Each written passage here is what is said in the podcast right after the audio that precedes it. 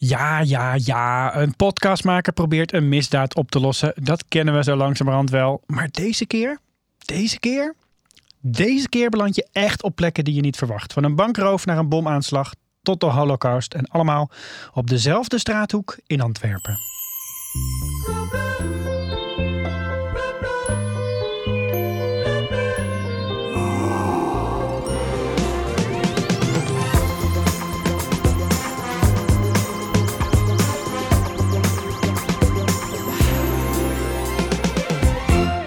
Is de Koos Podcast. Mijn naam is Adse de Vriezen. En ik zag uh, Yuki Ko tegenover mij al met haar wenkbrauwen zo'n beetje zo fronsen van... nee, hier heb ik echt geen zin in. Nee, nee, maar nee, ik was juist vertellen- aanmoedigend. Ja, nee. Het was Jij een dacht- aanmoedigende frons. Je dacht het wordt niks, maar het wordt wel wat. Ik ga je vertellen, het is een prachtige podcast die Elja Looijenstein heeft meegenomen. De kunst van het verdwijnen uit België. En ik moet zeggen, ik heb in één week een eh, Limburgse Belg, een Gentse Belg... en nu zitten luisteren naar een Antwerpse Belg. Ja? Ik vind Antwerps toch het mooist. Oh ja, dat is er inderdaad. echt van nog een, eh, genoten. ja?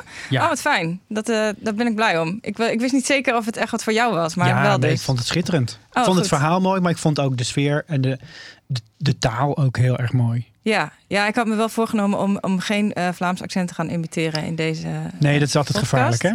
Eh, want dat is voor ons Nederlanders heeft dat inderdaad toch altijd iets extra's. Maar Nee, het dat is- is ja. wel. eh, en, maar het, het is ook goed te verstaan. Soms is het echt nog moeilijk te verstaan, maar dat vond ik dit keer niet. Nou, het is, eh, het is, kijk, we kennen natuurlijk in Nederland in de podcastwereld vooral Schik, hè, het audiocollectief. Dat is eigenlijk heel netjes. En dit, Ja. is, dit is wel af en toe, het is geen slang, het is geen straattaal. Maar het is wel, ehm, dus er zitten woorden in die, we niet, die wij in Nederlands helemaal niet gebruiken. Ja, Dus ik, ik heb daar echt van genoten. Fijn. Hoe kwam je bij deze podcast uit? Ja, dat is wel grappig dat je dat vraagt. Want ik had, ik had er een persbericht van gekregen. Ik krijg natuurlijk de hele dag persberichten over podcast. Je hebt En een podcast gemaakt. ja, ik heb me Heb gemaakt. je nou, deed je nou toch een Vlaams? Vlaams Nee, nee. begint hij al. Oh, Dat was. Nijmeegs. Oh, dat was Nijmeegs, ja. nou ja, maar ik kan ze natuurlijk niet allemaal luisteren. En ik had bij deze eerlijk gezegd, eh, ik, het leek me maar een beetje ingewikkeld. Eh, Ja. Het ging inderdaad over de holocaust. Daar ben ik ook niet zo'n fan van. Nee, Dus ik dacht, nee. ik, ik parkeer hem even. Ik ga hem niet gelijk aanzetten. Toen kreeg ik een appje van een collega. Die zei van...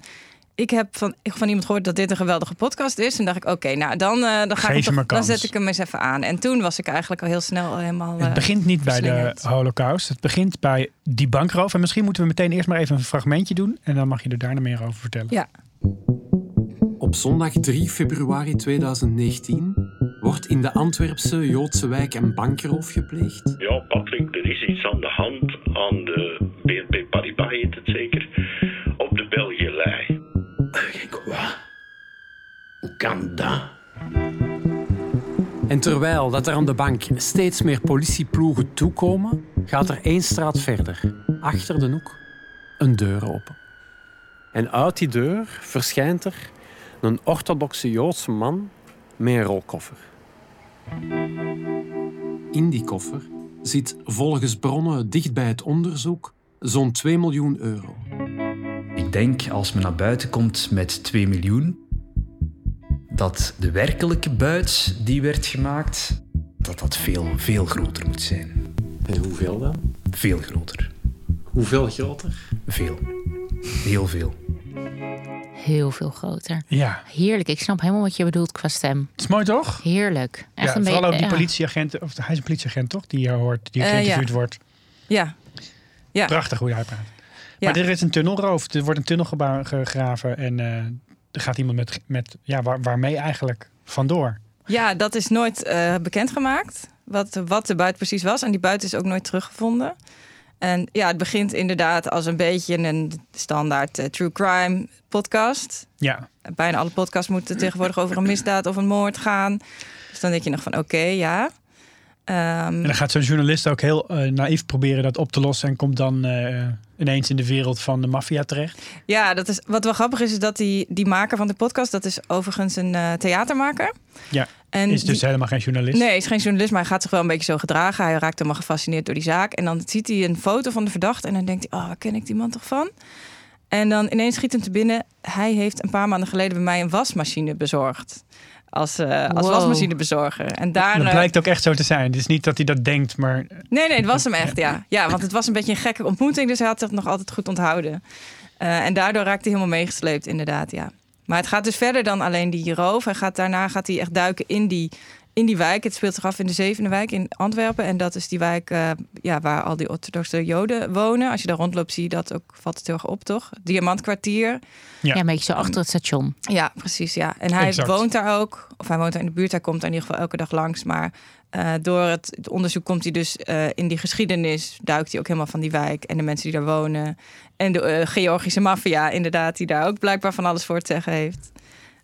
En zo, ja, zo word je helemaal door verschillende lagen in de tijd ook meegenomen in het verhaal. En hoe is de vorm? Want dat was misschien mijn frons die jij zag bij je intro, Adse. Was dat, dat inderdaad bij die verhalende podcast is het zoveel herhaling. Dat je soms zo denkt, yo, dit kan, dit kan korter. Maar als ik het goed Ja. begrijp, lost hij dus wel echt in. En is het ook bevredigend, zeg Ja. maar, naarmate de podcast vordert. Klopt, dat is, daar ben ik helemaal met je eens. Dat is, je hebt vaak van die podcasts die dan eh, een theorie gaan ont, ontrafelen of zo. Hè? En dan zeggen ze, oh, het zou misschien zo gegaan kunnen zijn. Laten we hier eens even helemaal gaan induiken.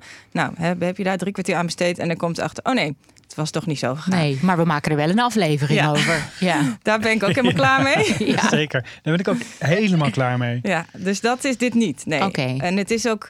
ehm, het gaat dus meer. Het is meer. Ja, hoe zou ik het even beschrijven? Het is echt een soort reis door tijd en plaats. Waar je dus verschillende lagen van eh, die plek en van het verhaal tegenkomt. Want het is dus eigenlijk, hè, nog, want mm, als ik het goed begrijp, het is dus één straathoek in Ja. een buurt in Antwerpen. Exact. En op die straathoek zijn dus Meerdere door dingen. jaren heen meerdere bijzondere verhalen gebeurd. En die, dus het is een soort van En aardlagenreis. die hebben op een bepaalde manier ook met elkaar te maken. Ja. Niet direct, maar wel indirect. En Ja. het begint natuurlijk echt bij dat nieuws. Het begint bij die, die tunnelroof. Ja, En, en voor die andere tijdlagen, die komen pas later gaandeweg in het verhaal. het klinkt ook wel echt bijna als een soort nieuwe vorm.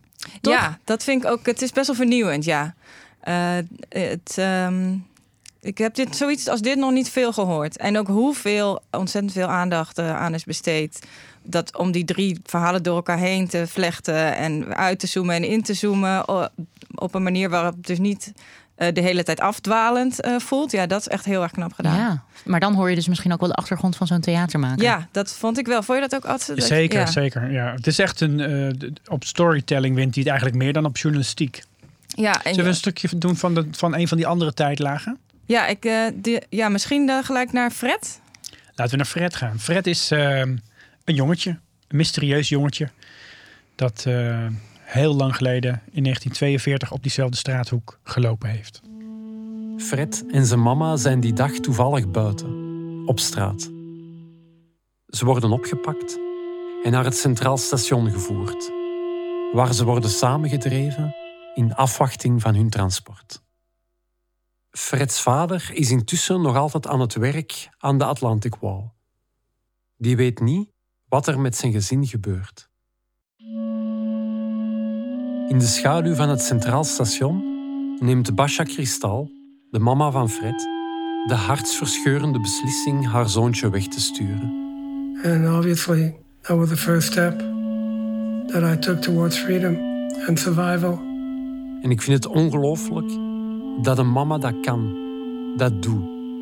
It must have taken a lot of heart for a mother to give up a child. Unfortunately, she never found out that I survived, but I did, thanks to her and her love. Wow, dit is dus ook Fred. Ja. ja, het is een beetje een spoiler, maar het zit al ook in het begin. Ja.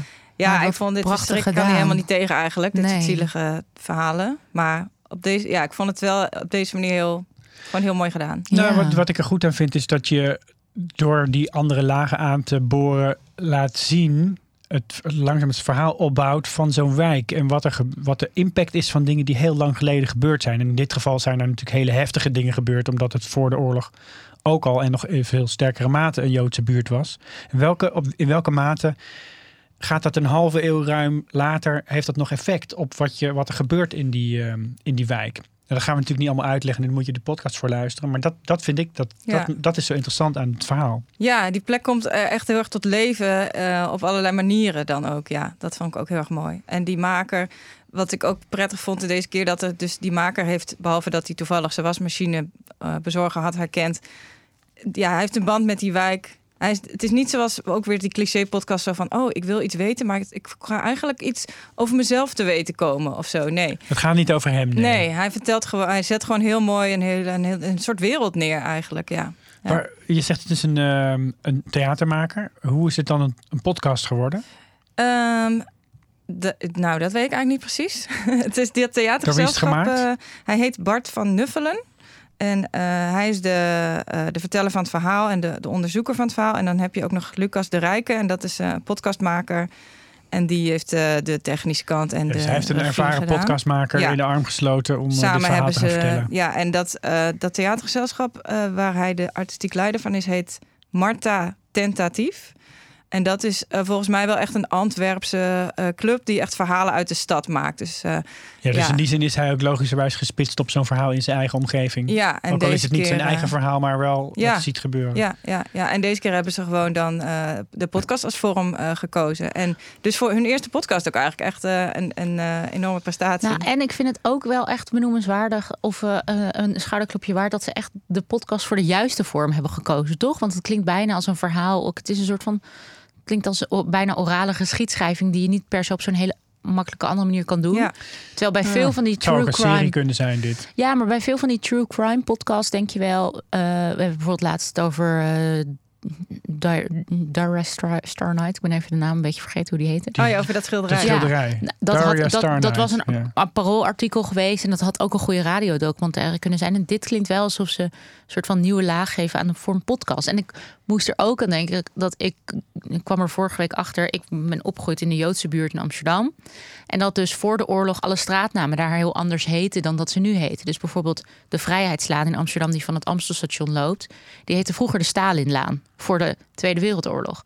En dan, dat zijn van die kleine geschiedsdingetjes die je dus op basis van een straat of een straathoek nu dus leert. Net als die kleine stolpensteinertjes, die gouden steentjes die je in de Ja. grond ziet ter nagedachtenis van En de de holocaust. Holocaust-slachtoffers. En dan is dit een soort nieuwe laag op, op, op geschiedschrijving. Ik Ja. vind het gewoon heel tof klinken. Ja, ja, klopt. Ja. ja, en je zou ook nooit meer op dezelfde manier door die stad lopen als Nee. je dat allemaal weet. Ja. Dat is ook mooi aan. Ja, Ja, wat ik ook wel fascinerend vind, is dat hij kiest heel nadrukkelijk voor drie echt grote gebeurtenissen. En Nou is dit toevallig een straat waar in de geschiedenis drie grote gebeurtenissen geweest zijn. Maar vaak als je een podcast hebt, we hebben het vorige keer, dat kan overigens ook goed werken, we hebben het gehad over die moestuintjes van jou, die, Oh, die stadstuintjes. Daar gaat het eigenlijk over klein leed en alledaagse Ja, dingen waar mensen mee zitten. Ja, dit, dit gaat echt over vier of drie ankerpunten in de geschiedenis die ook echt ja, nieuwswaardig waren in die tijd. Dus dat, maakt het wel echt anders dan de meeste. Ik ben op de hoek van de straat en ik ga eens even kijken wat hier allemaal te doen is. ja. Podcasts. Al zal je waarschijnlijk in elke grote stad wel zoiets, als je maar goed genoeg zoekt, iets zoiets kunnen maken. Als je Ja, ik, zeg ik maar, heb het me dus oprecht zitten afvragen over mijn eigen straat. Van wat is hier gebeurd? Ik weet dat er om de hoek is er een bordje dat er een fabriek stond en dat daar in de oorlog mensen gefusilleerd zijn als wraak op een verzetsdaad. Nou, daar zit al zo'n verhaal. Ja, precies. Dus als je, wat zou er als nog je- meer gebeurd zijn? Het getuigt meer van zijn vakmanschap, denk ik, dat het zo goed is geworden dan de, die bijzondere straat. Ik denk dat hij het overal, als je, ja, als je zo goed bent als hij, dan dat het wel zou kunnen. Ja. elke straathoek ligt een verhaal. Goed. Ja. Ja.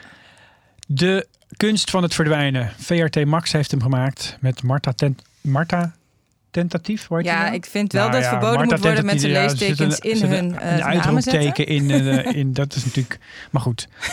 Klein- VRT klein Max. Dat is de NPO Start van België. Maar hij staat ook gewoon op alle andere platforms. Dankjewel, Elja. Graag gedaan. Goed, Yuki.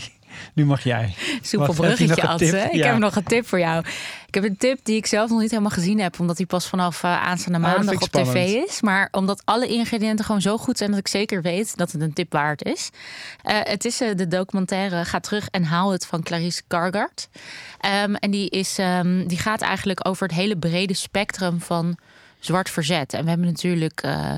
eh, anderhalf jaar geleden, of net twee jaar geleden, Black Lives Matter eh, gehad als een soort van uprise. Maar eigenlijk laat zij in deze documentaire zien hoeveel vormen van zwart verzet er al eh, decennia lang zijn. In Nederland en op, op onze ja, Caribische eilanden eigenlijk.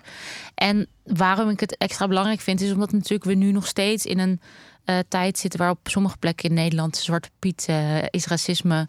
Ehm, protesten, of protestanten worden bekogeld met eieren. En eh, zwart verzet nog steeds niet overal wordt geaccepteerd. En zij laat eigenlijk heel mooi zien hoe dat door de jaren heen eh, altijd al heeft plaatsgevonden. En met Black Lives Matter in een soort nieuwe fase is beland. Dus wat mij betreft alle ingrediënten voor een super duper koos. Kijk, Hoe heet die ook alweer? tip. Je hebt het gezegd. Ga terug, ga terug en hou het. En hij is ehm, vanaf 28 november te zien. En daarna natuurlijk ook op NPO Start.